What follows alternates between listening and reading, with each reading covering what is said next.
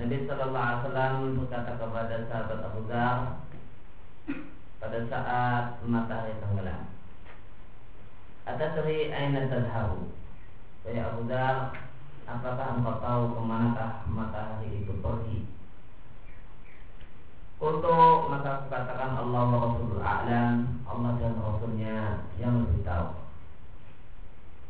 Qal Nabi Sallallahu Alaihi Wasallam mengatakan Fa inna hatadhabu hatta tasjuda tahta al-arshi Makanya matahari itu pergi sehingga dia bersujud di bawah arsh Fa tasta'dina fa yu'danu laha. Dia meminta izin untuk terbit. Fa yu'danu laha maka dia diizinkan untuk terbit. Wa yushiku anta sudah fala yuqbala minha dan hampir saja atau segera saja matahari itu bersujud namun tidaklah diterima. Wa tasta'din dan minta izin untuk terbit dari arah timur fala yu'dana laha akan tapi tidak diizinkan untuk terbit dari arah timur Yuqalulaha Allah berfirman kepadanya Irji'i min haitsu ji'ti Kembalilah engkau, terbitlah engkau dari tempat di mana engkau datang. Fatatlu'u min maghribiha Maka pada saat itulah matahari terbit dari tempat tenggelamnya. Fadzalika qauluhu ta'ala inilah makna dari firman Allah Ta'ala Wasyamsu tajri li mustaqarrin laha ya, matahari itu berjalan di mustaqarin laha pada tempat yang telah ditentukan untuknya. Dari kata kedirul azizil alim itulah ketetapan zat yang maha perkasa lagi zat yang maha mengetahui.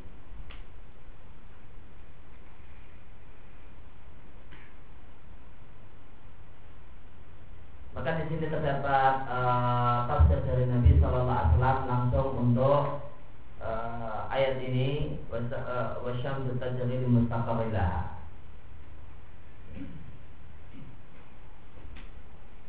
Itu matahari itu berjalan dan beredar ya, tem, uh, dari tempat terbitnya dan dan terus muncul dari arah timur sampai Allah Subhanahu Wa Taala menetapkan untuk muncul dari arah tenggelamnya yaitu arah barat.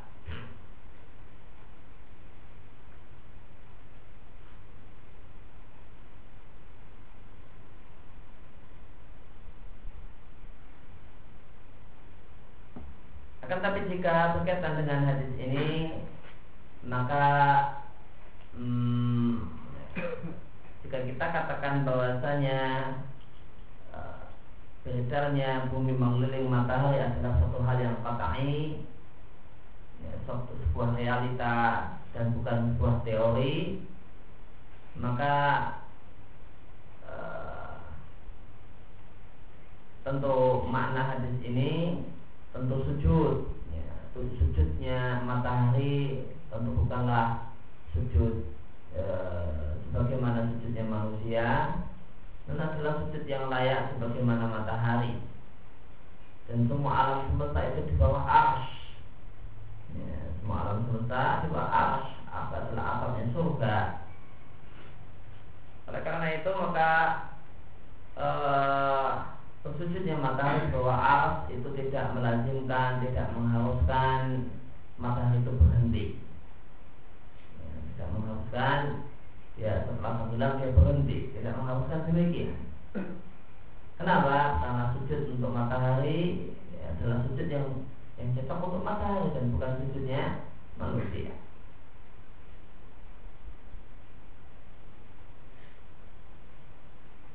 Kemudian uh, hadis ini dalil bahasanya membaca Al-Quran dalam rangka berdalil itu tidak perlu ta'awud dan basmalah Nabi Sallallahu Alaihi Wasallam cukup e, cuma mengatakan Fadalika qauluhu ta'ala Itulah firman Allah Wasam tajrul mustaqarilah Nabi tidak ta'awud dan tidak basmalah sebelum membacakan ayat.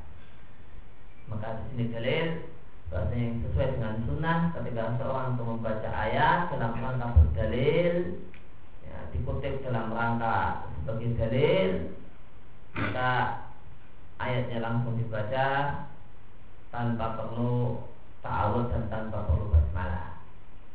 Adapun ta'awud dan basmalah itu dianjurkan dan disyariatkan pada saat orang membaca Al-Quran dalam rangka membaca Al-Quran.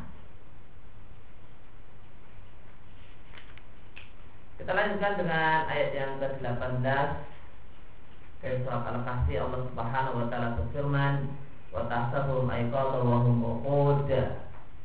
dan engkau mengira mereka itu bangun padahal mereka ashabul kahfi itu tidur. Wa nuqallibum datal yamini wa datal shimal. Dan kami balik-balikkan mereka kadang ke arah kanan dan kadang ke arah kiri. Wa kalbuhum basitun bira'aihi sedangkan anjing mereka itu menjulurkan dua hastanya bil di mulut gua atau di bagian depan gua. Lalu telah ta'alaihim Seandainya engkau melihat mereka Tidur di gua tersebut Lawalaita minhum Niscaya engkau akan langsung berbalik. Langsung akan balik kanan Firawan lari Walau mulita minum roba Dan rasa takut itu Rasa takut terhadap mereka Orang-orang yang tidur ini e, Tentu akan memenuhi diri kalian. Penjelasannya kalau mu'alif rahimahullah ta'ala Allah mengatakan dan kalian mengira mereka. Wahai orang yang melihat Jika kalian melihat mereka Melihat para ashabul kahfi ini tidur Maka kalian akan mengira kalau para ashabul kahfi ini adalah orang-orang yang bangun Kenapa? Karena tidak ada pada diri mereka tanda-tanda tidur Penaim maka orang yang tidur itu badannya mustarkhian Badannya itu lemas ya. Orang yang tidur itu badannya lemas Tangannya bisa digerak-gerakkan ya. Ada orang tidur dan tangannya kita pindah ya. Mudah ya. Sedangkan mereka maka mereka meskipun tidur nampaknya seperti orang yang cuma tidur tiduran alias bangun ini cuma seperti orang bedaan seperti orang yang ya, tidur tiduran baring baringan nah, padahal benar-benar tidur oleh karena itu seorang itu bisa membedakan antara seorang yang tidur dan cuma orang yang berbaring tidur tiduran orang bisa membedakan cukup dengan lama ya Allah ketika melihatnya. Ya. Ini ada orang yang benar-benar tidur sama ada orang yang tidur tiduran. Kalau orang yang perhatian ini bisa bedakan. Ini cuma sekedar ini tidur beneran dan ini tidur tiduran. Kata sampai-sampai meskipun orang yang tidur tiduran tersebut, orang yang berbaring tersebut ingin ayat tanawam untuk pura-pura tidur dan menipu kawannya. Tentu kawannya yang cerdas, yang perhatian akan tahu kalau dia tidak tidur. Wahum rukudun padahal mereka para ashabul kahfi ini benar-benar tidur. Rukud jamaah dari rafi. Wa nuqalibum datal yamini wa datal shimal dan tidurnya para ashabul kahfi ini kadang miring kanan dan kadang miring kiri. Artinya marotan terkadang mereka itu miring kanan dan terkadang miring kiri. Dalam ayat ini Allah Subhanahu wa taala tidak menyebutkan mereka itu uh, mereka itu terlentang walau fasna tidak pula telungkup nah, eh, Allah katakan cuma dibalik kadang miring kanan kadang miring kiri. Allah tidak pernah Allah tidak katakan mereka telungkup atau mereka terlentang.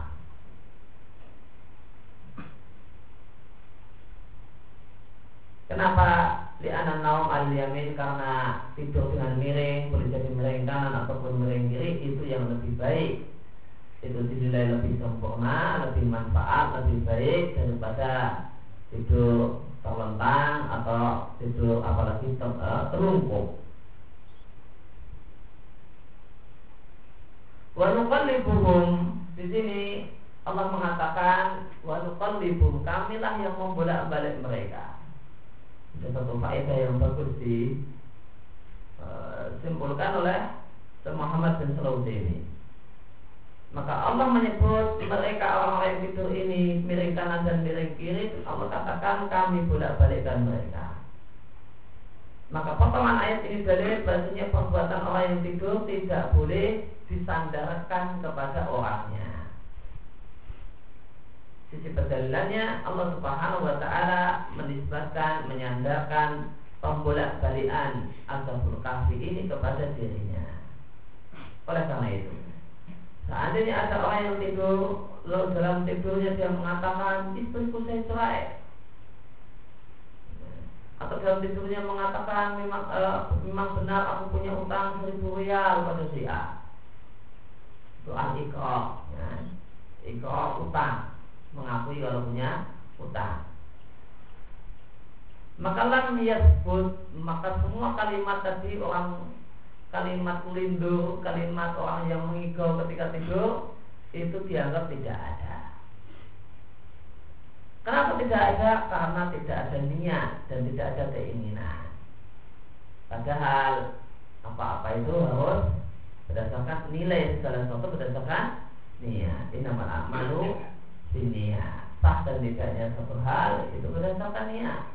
Orang yang tidur tidak punya niat, ya, Demikian juga orang yang gila itu tidak memiliki niat. Oleh karena itu maka semua ucapannya tidak teranggap. Maka mereka tidak orang yang tidur tidak punya niat dan keinginan ketika berkata demikian pula ketika berbuat. Maka omongan orang yang dalam kondisi tidur ya, yang mengigau itu tidak dianggap ada. Ketika mengigau dia mencerai istrinya, maka istrinya tetap belum tercerai. Ketika e, mengigau dia mengakui kalau punya utang sama seseorang, pengakuannya ini tidak teranggap. Kemudian hikmah kenapa para asabul kafi yang tidur di gua ini dibolak-balikkan oleh Allah kadang ke kanan, kadang ke kiri, kadang miring kanan dan kadang miring kiri maka tentang hikmahnya sebagian ulama mengatakan supaya sisi yang menempel ke tanah itu tidak busuk.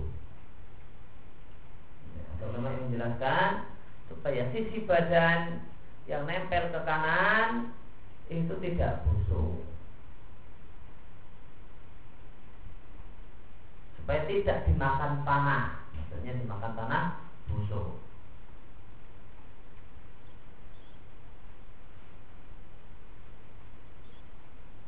Namun e, penjelasan ini dinilai oleh Syekh Muhammad bin Sulaiman adalah penjelasan yang kurang tepat. Jika hikmahnya adalah ini supaya sisi badan itu tidak busuk, maka maka seharusnya miringnya bukannya miring kanan dan miring kiri, namun kadang e, terlentang, kadang tengkurap. Nah ini jika hikmahnya maksudnya adalah supaya uh, sisi badan itu tidak uh, sisi badan yang nempel tanah itu tidak busuk. Maka apa? Bukan hanya miring kanan namun dan miring kiri, namun harusnya apa? Kadang terletak, dibolak-balikkan. Ya.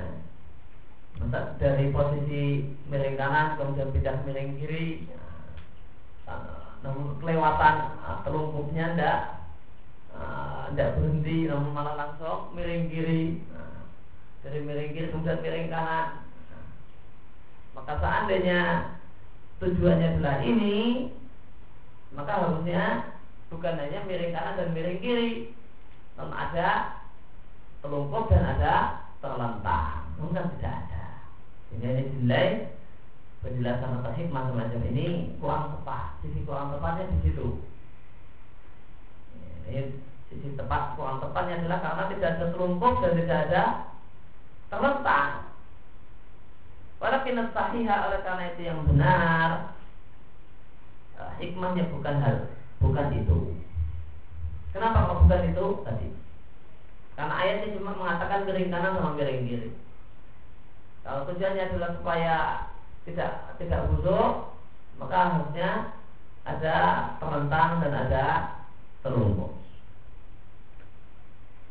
Sehingga kata beliau hikmah yang lebih tepat adalah min ajli tawazun dan supaya peredaran darah itu imbang.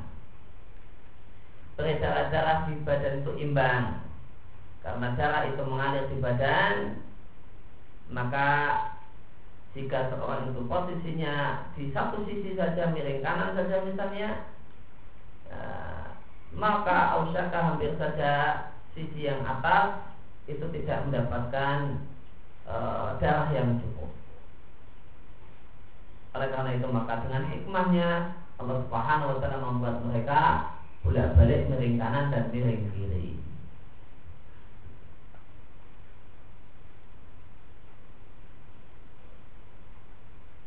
Kemudian Allah katakan wakal tuhum basitu bil'ahi bil wasit. Sedangkan anjing mereka, anjing tersebut menghamparkan, ya, menonjolkan, meluruskan Zira'aihi dua kakinya bil wasit di pintu gua. Artinya seakan-akan anjing tersebut tidak tidur. Allah buat dalam satu posisi seakan-akan tidak tidur. Gimana posisi anjing? Jalisun ala batnihi dia duduk nah, di atas roknya Wakat madda Zira'aihi dan dia julurkan Dua kaki depannya. Ya, Dia julurkan Maka seperti Anjing dalam keadaan santai Jaga e, tuannya. Nampak tidak tidur Nah posisi anjing ini bil wasit Wasit maknanya boleh jadi Fathatul kahfi Pintu gua atau halaman gua. Maka dimungkinkan anjing tersebut ada di pintu gua Dan dimungkinkan juga ada di salah satu sisi gua Tepatnya di halaman gua. Kenapa dia posisinya di pintu gua karena dia berfungsi untuk menjaga para ashabul kahfi ini. Maka dalam dalam ayat ini terdapat dalil bolehnya memiliki anjing untuk menjaga dalam rangka untuk menjaga manusia. Adapun untuk menjaga binatang ternak maka ada dalilnya dari sunnah dari hadis. Demikian juga menjaga tanam-tanaman terdapat dalilnya dari sunnah dari hadis. Yaitu hadis di catatan kaki dari Abu Hurairah radhiallahu anhu qala Rasulullah sallallahu alaihi wasallam. Rasulullah sallallahu alaihi mengatakan man amsaka kalban siapa yang punya anjing yang kusumin amalihi maka berkurang amalnya kula yaumun setiap hari kiratun sebanyak satu kira satu gunung besar. Kecuali jika anjingnya adalah anjing penjaga tanaman atau penjaga ternak. Diatkan oleh Bukhari dan Muslim. Warawa fi sahihain aidan dan diatkan dalam riwayat Bukhari dan Muslim juga aukal basaidin atau anjing pemburu.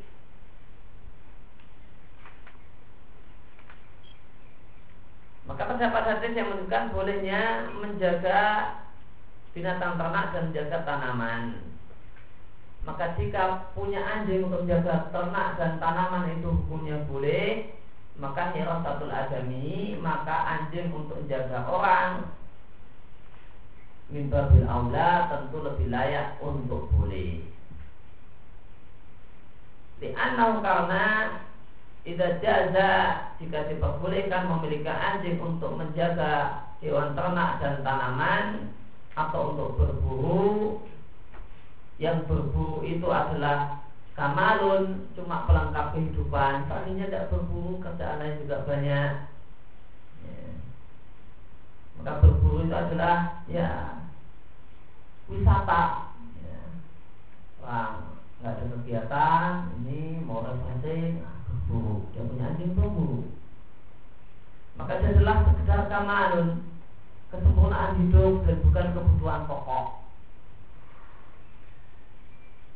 Maka punya anjing dalam rangka untuk menjaga rumah bi aula tentu lebih layak untuk diperbolehkan maka di sini kita jumpai pendapat Muhammad bin tentang masalah ini. Gimana hukum memiliki anjing dan merasa untuk menjaga rumah dan menjaga manusia. Ya, ini perkara yang diperselisihkan ulama. Ada dua pendapat ulama tentang masalah ini. Bagaimana disebutkan di Tautil Ahkam. Ya, ada ulama yang melarang. Ya yang ada dalilnya cuma yang ada dalam hadis ya sudah itu saja pengecualiannya. Tidak bisa dibiarkan. Namun pendapat yang lain membolehkan dan alasannya sebagaimana kata Syaikhul Utsaimin adalah imbabil aula. Jika melihara e, anjing untuk berburu itu boleh. Padahal berburu itu wisata dan e, refreshing. Maka untuk memang satu hal yang dibutuhkan maka lebih layak untuk diperbolehkan. Dalam kondisi seperti apa orang dikatakan bahwasanya dia e, melihara anjing untuk melihara untuk menjaga rumah dan dan manusia dijelaskan oleh Syekh Muslimin di tempat yang lain di fatwa beliau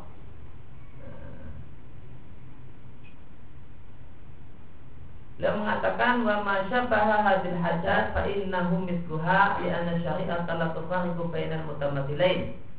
Fa idza qudira anna shakhsan fi baitin ba'idin 'anil baladi wa huwa muhtajun ila qalbin yahrisul baita liyunabbiha ahlal baiti fi ma law aqbala aduun aw sarikun aw ma asbaha dhalika fa innahu mithlu sahibul haqqi wal masyiyati was sayfi la haraja alaihi ini tanahu lihadzal qardi. Maka kebutuhan-kebutuhan yang serupa dengan tiga hal yang Nabi sebutkan Maka hukumnya sama dengan tiga kebutuhan tadi. Menjaga ternak, menjaga tanaman, dan menjaga berburu Karena syariat tidaklah membedakan dua hal yang sama. Oleh karena itu jika kita andaikan ada seorang yang rumahnya jauh dari ya, pusat pemukiman.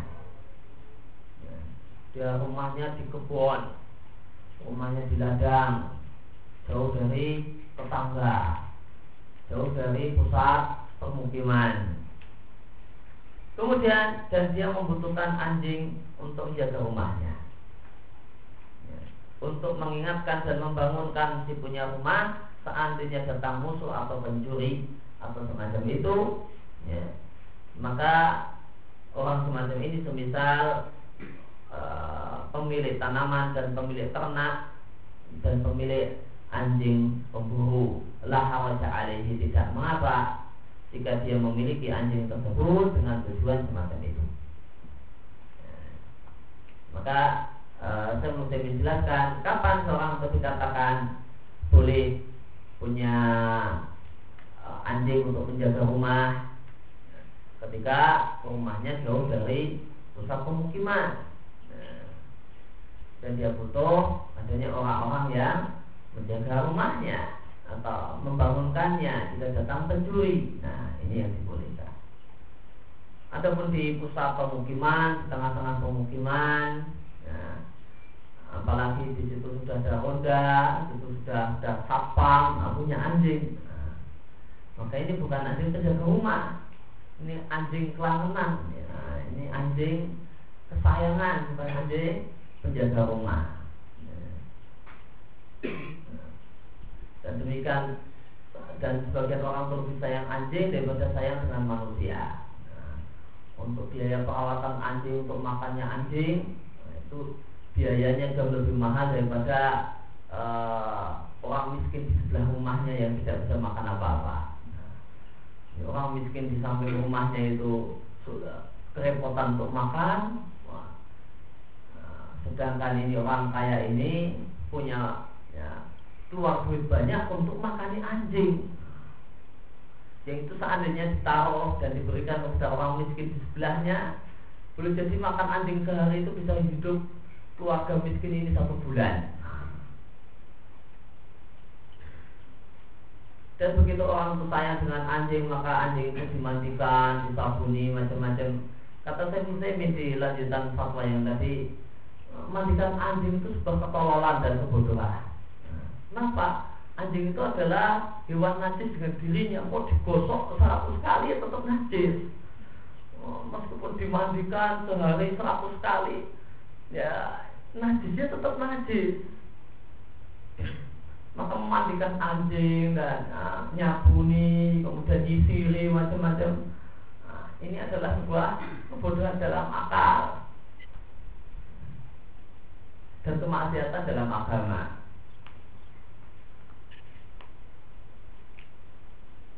Maka patut maka perlu diperlihat dibedakan memelihara anjing untuk kesayangan yang ini adalah ya, ya, dan memelihara anjing memang untuk kebutuhan menjaga rumah ya, menjaga manusia Kemudian Allah katakan falawit tolak ta'alaihim Seandainya engkau melihat mereka Bisa engkau akan balik kanan Birawan nari Walau minum berubah dan dirimu akan dipenuhi rasa takut gara-gara melihat mereka.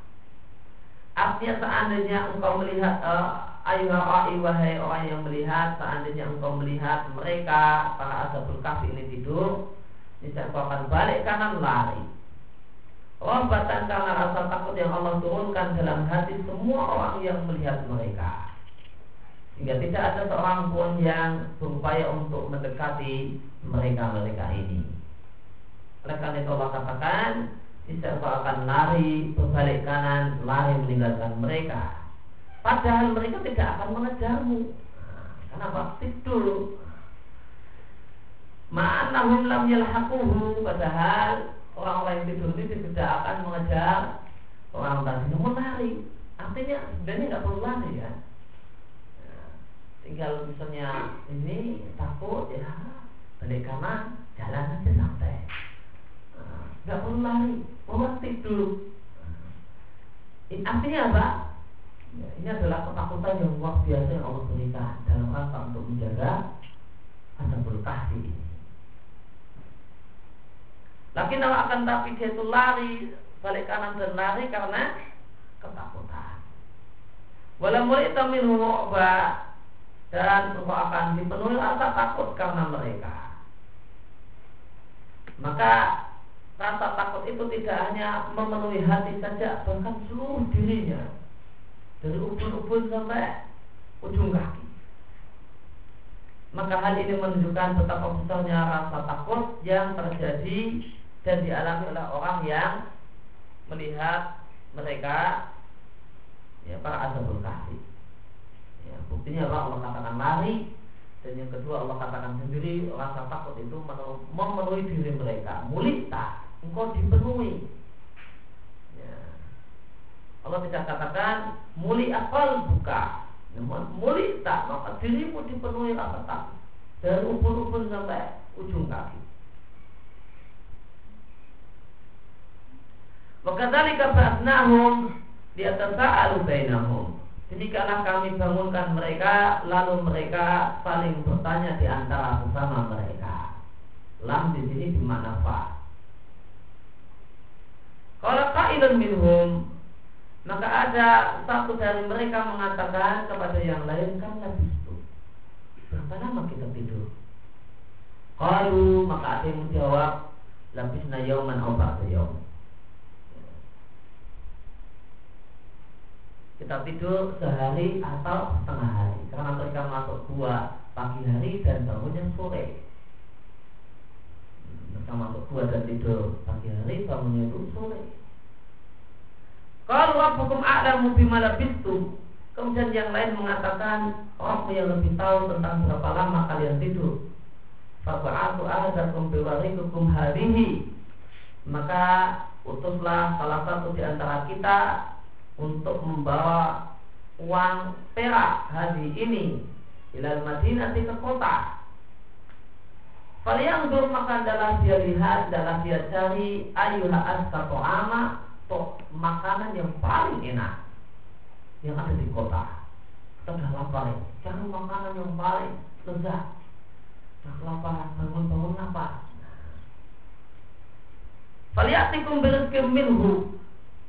Kemudian adalah orang yang diutus itu datang kepada kalian membawa rezeki tersebut yaitu membawa makanan tadi. Wajah talapor ya, dan adalah dia ya, waspada pelan-pelan. Jangan sampai makan gerakan yang mencurigai. Nanti ditangkap aja. Dan kita akan dipaksa untuk jadi penyembah berhala. Hati-hati. Ya, jangan-jangan ada intelijen maka beli makanannya hati-hati. Bersikap yang wajar jangan bersikap aneh. Nanti ketangkap intelijen. Wala bikum ahada. Dan janganlah dia memberitahukan tentang keberadaan kalian. Janganlah dia dia yang diutus ini. Memberitahukan bikum keadaan kalian atau tentang kalian ahadan kepada seorang pun maka Allah uh, Wakadzalika fasan lihat tasa'alu bainahum. Ay Sebagaimana kami telah lakukan Kami perlakukan mereka Dengan memberikan perhatian Yang demikian besar Berupa Allah mudahkan Gua untuk mereka Kami tidurkan mereka dalam jangka waktu yang lama 309 tahun. Tiga abad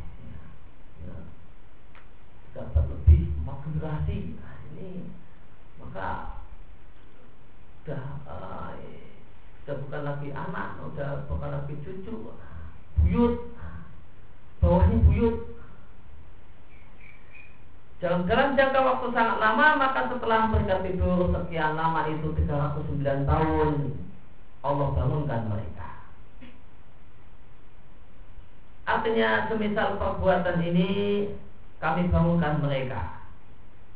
Dan ya, semisal perbuatan yang telah Allah berikan kemudahan yang Allah berikan pada mereka ya, sehingga mereka tidur di waktu lama dan seterusnya maka Allah e, bangunkan mereka dan kami perbuat perlakukan mereka dengan perbuatan yang lain. Lihat tasa'alu bainahum. Lalu mereka saling bertanya di antara sesama mereka. Setelah bangun lalu mereka saling bertanya di antara sesama mereka.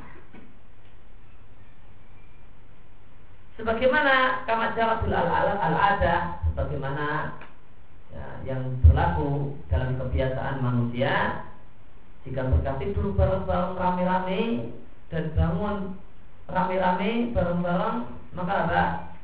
Mereka akan saling bertanya ketika mereka bangun maka di antara manusia ketika bangun bareng-bareng dengan kawannya dia bertanya apa mimpi apa yang kau lihat tadi? Ada yang bertanya boleh jadi mimpi-mimpi yang enak apa yang lainnya? Nah, kalau ada berkasih ini tidak tanya mimpi dan yang lain mereka bangun dan tanya kira-kira berapa lama kita tidur? Ba'asnahum kami bangunkan mereka alu lalu mereka saling bertanya. Lam di sini bukan lam eh, taklil sehingga bukanlah makna ayat ini mereka bangun supaya mereka saling bertanya. Akan tapi makna lam di sini adalah fa. Ya. Sehingga makna ayat mereka bangun lalu mereka saling bertanya. Maka lam di sini namanya lam akibah. Lam di makna fa itu disebut lam akibah dan bukan lam tahlil yang artinya supaya. Contoh yang lain untuk lam akibah, lam bermakna fa Dalam surat ayat yang ke-8. Fataqatahu alu fir'auna. Maka bayi Musa itu ditemu oleh diambil oleh Fir'aun liyakuna lahum aduan wa. Lalu jadilah Musa itu musuh dan sebab kesedihan bagi mereka Fir'aun dan orang-orang yang mendukungnya. Maka lam di surat Qasas ayat 8 ini juga bukan lam taklil. Abadan sama sekali bukan lam taklil. Bukan lam yang artinya supaya. Liyakuna di sini bukan artinya supaya Musa menjadi. Karena tidak mungkin lam di sini kita maknai lam taklil. Karena Fir'aun dan orang-orang yang mengikutinya tidaklah memungut bayi Musa supaya Musa menjadi musuh mereka dan sebab kesedihan mereka. Akan tapi mereka memungut dan mengambil bayi Musa fakana saya kuno lalu ternyata Musa jadi musuh dan sebab kesedihan bagi mereka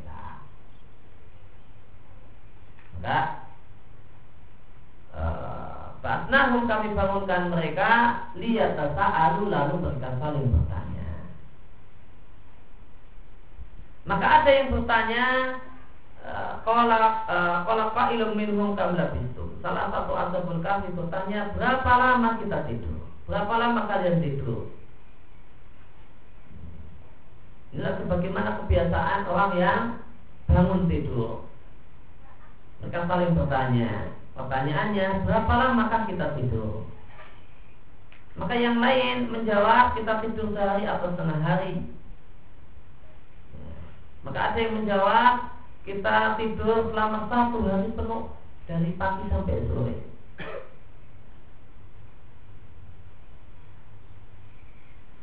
Atau setengah hari. Kenapa demikian? Karena mereka masuk gua di awal nahar, pagi hari. Dan mereka bangun tidur dibangunkan oleh Allah di akhir nahar di sore hari. Maka saya mengatakan kita tidur satu hari penuh. Ini pagi sampai pagi lagi, ketemu kemudian sore. Nah, penuh. Maka satu hari lebih. Yang lain mengatakan kita tidur setengah hari. Ya. Maksudnya setengah hari di sini kita tidur dari pagi sampai sore. Bahasa kita bukan setengah hari ya sehari kita tidur sehari yang lain mengatakan kita tidur sehari semalam nah.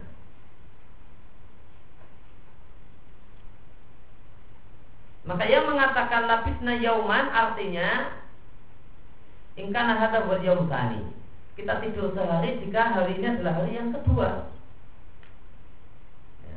dan kita tidur setengah hari jika ini adalah hari pertama Kenapa kok mereka bisa mengatakan tidur setengah satu hari dan dia mengatakan satu semalam? Ini menunjukkan betapa nyenyaknya tidur mereka. Yang lain mengatakan adalah jangan ditegaskan. Kalau hukum a'lam bima itu, Wallahu a'lam saja.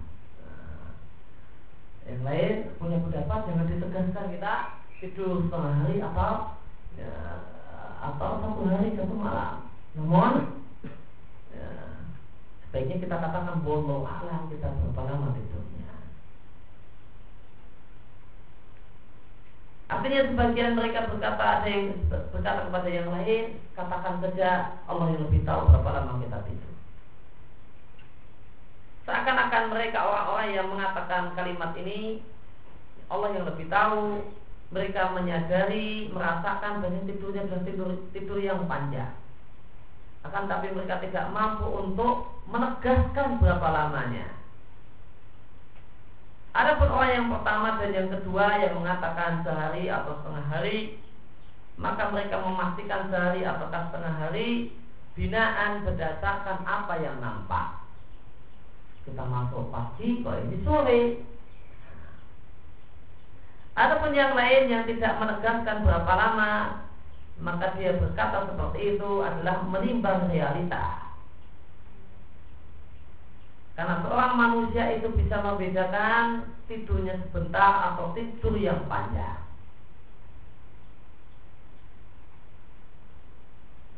Kemakala ba'duhum li ba'din setelah bincang-bincang tentang berapa lama kita tidur, akhirnya mereka keroncongan dan mereka mikir makanan. Akhirnya ada yang ada yang usul jangan kita semua yang pergi cari makan salah satu saja.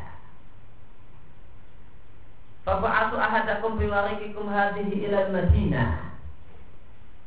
Maka utuslah salah satu di antara kita pergi ke kota Jangan semuanya. Kalau semua kita pergi rame-rame kelihatan. Itu ada tujuh orang rame-rame ke sini siapa mereka. Nah, ketahuan intelijen nanti.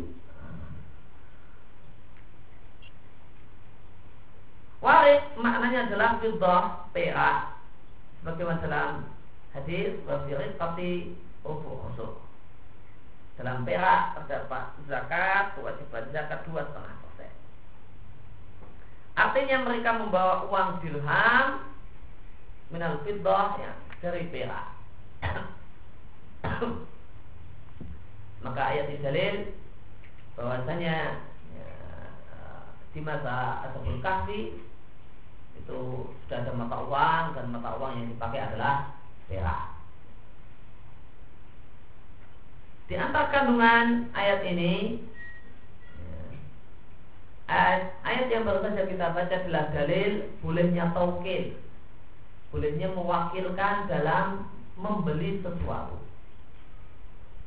Maka mewakilkan kepada orang lain untuk membeli suatu barang hukumnya boleh. Berdasarkan ayat ini kita ingin beli apa beli servis atau yang lain kita titip teman yang mau uh, pergi ke pameran tolong belikan ini uangnya. Maka kalau ayat yang kita baca cuma taukil dalam membeli. Demikian juga boleh taukil dalam menjual. Ya.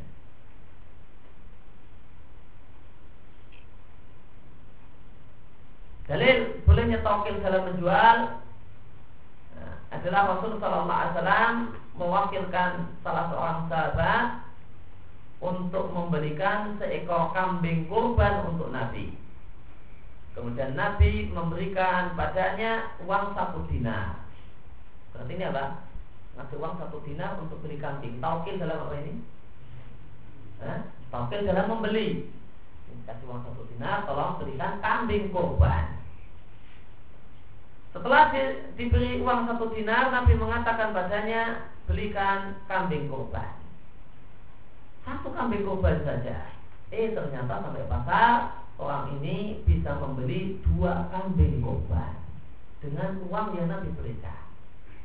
Pasalnya Nabi satu dinar nah, berikan satu ekor kambing. Ternyata bisa dapat dua kambing. Akhirnya karena pesannya Nabi itu cuma mintanya satu, kok ternyata bisa dapat dua? Akhirnya dia punya ide gimana kalau kambing yang satu ini dijual lagi. Nah, akhirnya si sahabat tadi Ba'a dia menjual salah satu dari dua kambing tersebut dan ternyata satu kambingnya Nabi ini laku satu dinar. Akhirnya dia pulang menghadap Nabi membawa satu ekor kambing pesanan Nabi. Nah, tetap dia bawa. Satu dinar uangnya Nabi dia pulangkan juga. Tadi dibawa dinar satu dinar kosong nggak bawa apa-apa pulang dari pasar satu dinarnya utuh kambing pesanan juga tetap ada. Maka Nabi Shallallahu Alaihi Wasallam kemudian mendoakan orang tersebut agar Allah berkahi transaksi jual belinya. Sehingga begitu berkah tangannya seandainya dia jualan debu itu dia akan bati dan untung. Karena sebab berkahnya tangan karena sebab doa Nabi Shallallahu Alaihi Wasallam maka tangannya itu berkah. Mau ngambil apa saja jual mesti untung. Seandainya debu dia kumpulkan dan dia jual tetap ada yang mau beli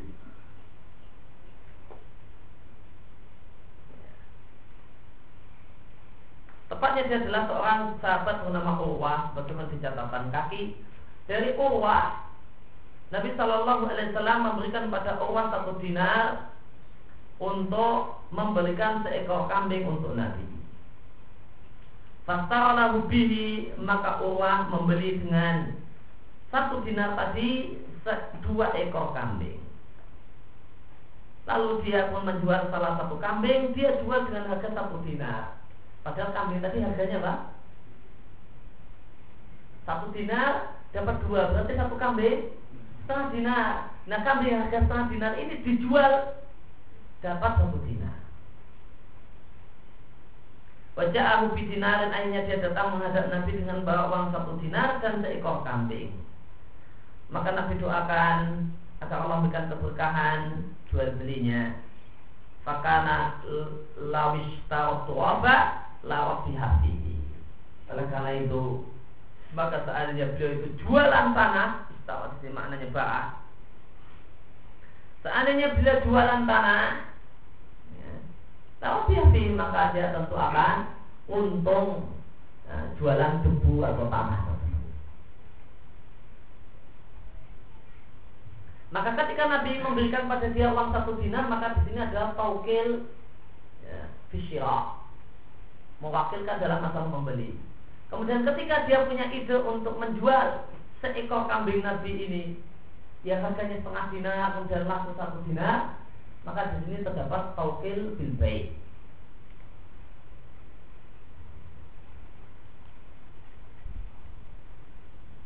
Maka hadis ini ya, diatkan oleh Bukhari dan yang lainnya. Di sini dalil ya, tapi bolehnya taukil fisyira ya, mewakilkan dalam membeli barang dan mewakilkan dalam menjual barang. Kemudian di sini dalil bolehnya pedagang mengambil keuntungan 100% karena kambing setengah dinar dijual laku satu dinar. Berarti keuntungannya berapa? 100% Sehingga dalil ada ini dalil tidak ada e, dalam aturan Islam patokan e, patokan ya, maksimal keuntungan yang boleh diambil oleh seorang pedagang. Maka dia bisa mengambil keuntungan sebesar yang bisa dia ambil ya, dengan catatan yang pertama tidak melanggar aturan pemerintah tentang harga maksimal barang jika pemerintah telah menetapkannya ya, kemudian yang kedua ya, namun yang lebih baik ya dia jual dengan keuntungan yang sedikit mengingat hadis layu unu ahadukum hatta balik akhihi wa ibu binafsihi kalian tidak akan menjadi orang yang benar-benar beriman sampai kalian inginkan untuk orang lain nah, apa yang kalian kalian inginkan untuk kalian sendiri. Ya, gimana seandainya kita tahu barang ini setengah dinar kok kita beli satu dinar. Harganya dua ratus ribu kita beli empat ratus ribu mau, nah, nggak mau. Kalau nggak mau ya jangan nah, memperlakukan seperti itu kepada orang lain. Namun seandainya ada yang melakukannya dan uh, jual beli telah terjadi dengan saling ridho, ya tidak masalah. Kandungan lain dari hadis ini disampaikan oleh Syekh Muslimin Bapak dan ulama dan para ulama mengambil dari hadis di atas bolehnya satu transaksi yang disebut tasawuf atau baik fuduli.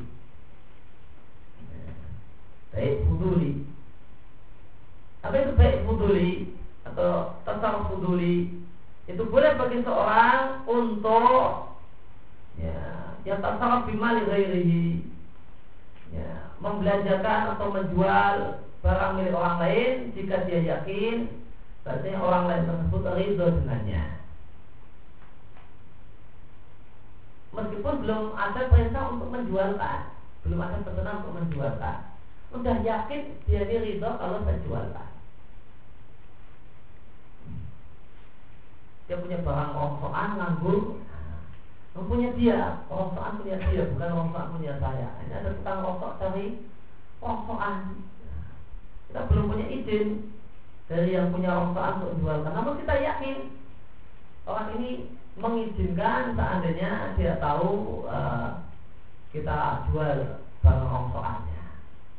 Maka kemudian kita jualkan yang nanti uangnya untuk yang punya rongsokan. Padahal dia belum taukil sama kita. Belum nyuruh belum rasa-rasan untuk jualkan rongsokan saya. Nah, maka ini namanya tasawuf fuduli dan e, jika yakin itu memang dibolehkan maka sah. Maka boleh. Namun jika ternyata meleset maka tidak sah. Maka dia punya kewajiban untuk nyari yang beli. Maka apa? Di sini disampaikan oleh Ibnu jika yakin saja. Jika yakin boleh. Kenapa? Karena jika cuma tidak yakin boleh, maka seandainya yang punya barang pasti tidak untuk. Ya. Nah, maka transaksi tidak sah, ya berarti si orang yang melakukan transaksi futur ini harus cari tadi mana ya rumahnya ya tukang rongsok tadi ya harus dicari. Nah, kemudian dikembalikan duitnya dan diambil lagi barangnya. Oleh karena itu di sini disampaikan boleh jika yakin. Boleh bagi seorang untuk menjual barang milik orang lain jika yakin bahasanya orang lain tersebut ridho dengan hal tersebut.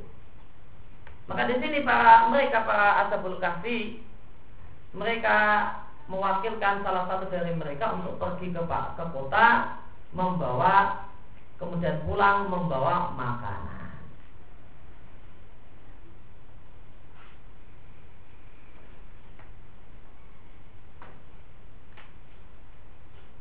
Dan tokil di sini bisa kita kiaskan kepada transaksi-transaksi yang lain.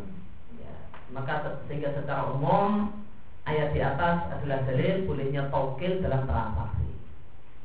Bolehnya mewakilkan dalam transaksi. Ya, nah, misalnya dalam akad, misalnya akad nikah, ya, bapaknya mewakilkan kepada pak penghulu, ya, dalam transaksi sewa menyewa. Hukumnya pada asalnya adalah boleh berdasarkan ayat di atas. Yaitu kias dengan ayat di atas. Kemudian kandungan yang lain dari ayat ini. Ayat ini adalah dalil eh, laba saat tidaklah mengapa seorang itu mencari makanan yang enak. Nah, makan. Kadang-kadang cari makanan enak apa sangat koncongan atau lama nggak makan yang enak itu hukumnya boleh. Dan bukan pemborosan Falyanzu ayu askato ama. Ashabul Kahfi ini mengatakan carilah makan yang paling enak. Ini kita lagi koncongan sekali yang tidur uh, seharian atau lebih. Nah, carilah makanan yang membuat kita benar untuk makan.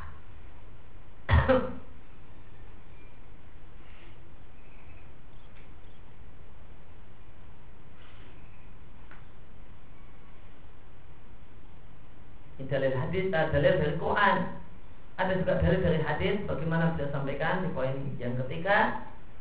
Dalam ayat ini juga terdapat dalil tidak benarnya pendapat sebagian ahli fikih yang mengatakan tidak boleh menggunakan kata-kata paling ketika untuk untuk barang yang dijual. Artinya sebagian fukoha mengatakan layak justru tidak boleh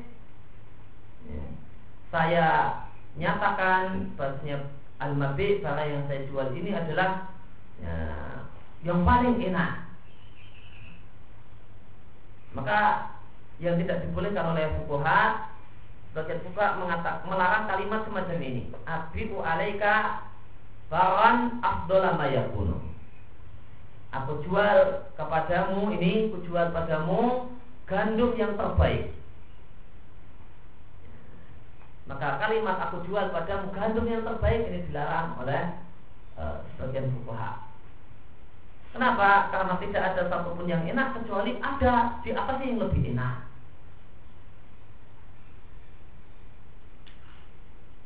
Akan tapi yang benar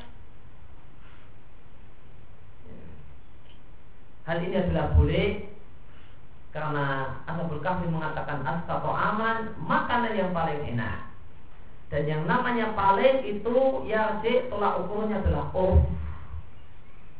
Yang paling enak sekarang. Kalau semua makanan habis dan yang yang tinggal tinggal singkong goreng, ya singkong goreng itu yang paling enak sekarang. Hah? Maka itu kembali kepada oh pada keadaan. Yang paling enak sekarang boleh jadi uang enak di lima tahun yang akan datang.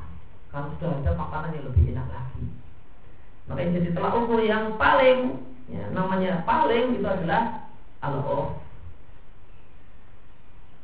Maka faat ya maka yang paling makanan yang paling enak di sini artinya adalah makanan yang paling enak di waktu itu dan di tempat itu. Kalau di tempat itu adanya yang kurang enak, ya sudah yang kurang enak tadi jadi yang paling enak.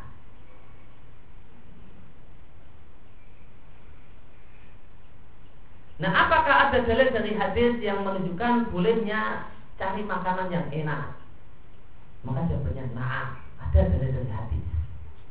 Jadi setelah kita jumpai dalil dari sunnah, eh, dari Quran, maka ada dalil dari hadis yang menunjukkan bolehnya uh, orang itu kadang ya, makan yang enak. Kamu ya jangan setiap hari, setiap ini, setiap saat. Itu bosan. Terutama kecuali kalau orang yang memang duitnya tua-tua lain. Ya, kalau duitnya pas-pasan ya kadang-kadang cari yang enak itu boleh. Ya. Tiap makan cari yang paling enak, nah, habis nanti ya harusnya satu bulan bisa jadi satu minggu atau kuat. Dalilnya adalah Nabi Shallallahu Alaihi Wasallam membiarkan sahabat yang menukar kurma jelek dengan kurma yang bagus dan niat sahabat tersebut adalah supaya Nabi makan kurma yang bagus. Nabi tidak melarang perbuatan sahabat ini. Nabi tidak mengatakan hadap tarafu ini belum mewah-mewah. Tinggalkan perbuatan mencari yang enak-enak. Nabi tidak mengatakan demikian. Nah, ada sahabat yang punya ide, koma jelek Nabi itu ditukar dengan koma yang baik. Saya Pak Nabi makan koma yang enak. Nabi tidak larang dan Nabi tidak katakan ini hidup bermewah-mewah.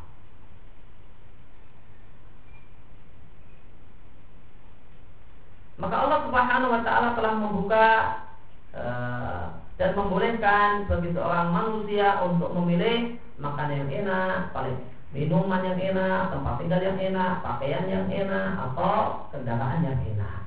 Selama Allah berikan kepadanya kemampuan untuk demikian maka itu tidak tercela. Kalau cuma punya duit maka cari makanan yang enak, minuman yang enak tidak tercela. Yang tercela gak punya duit, ingin yang enak-enak, nah itu yang tercela. Dan tahu suaminya gajinya pas-pasan, inginnya semuanya yang enak-enak. Nah, kalau gak punya duit kemudian sok kaya, enak-enak ini tercela. Ini pemborosan Terus jika duitnya tua-tua Makan enak setiap kali makan Yang paling enak di kota itu yang dicari. Dan itu sebulan juga masih tua uangnya Tidak apa-apa Boleh. Ya, Karena apa? Karena israf itu tidak ada dobitnya. Ya, Karena yang namanya bos Itu tidak bisa dipatok. Begini itu bos. Tapi yang namanya bos itu melihat Duitnya masing-masing. Kalau duitnya pas-pasan maka cari yang enak-enak setiap hari itu pemborosan. Nah, kalau yang duitnya itu tua-tua, ya, makan sekali setiap kali makan makanan yang paling enak, selama sebulan itu juga duitnya masih tua, nah, maka setiap hari makan yang paling enak, hukumnya tidak boros. Demikian Nabi Muhammad wa wa sallam wa alhamdulillah wa alamin wa la ilaha illa anta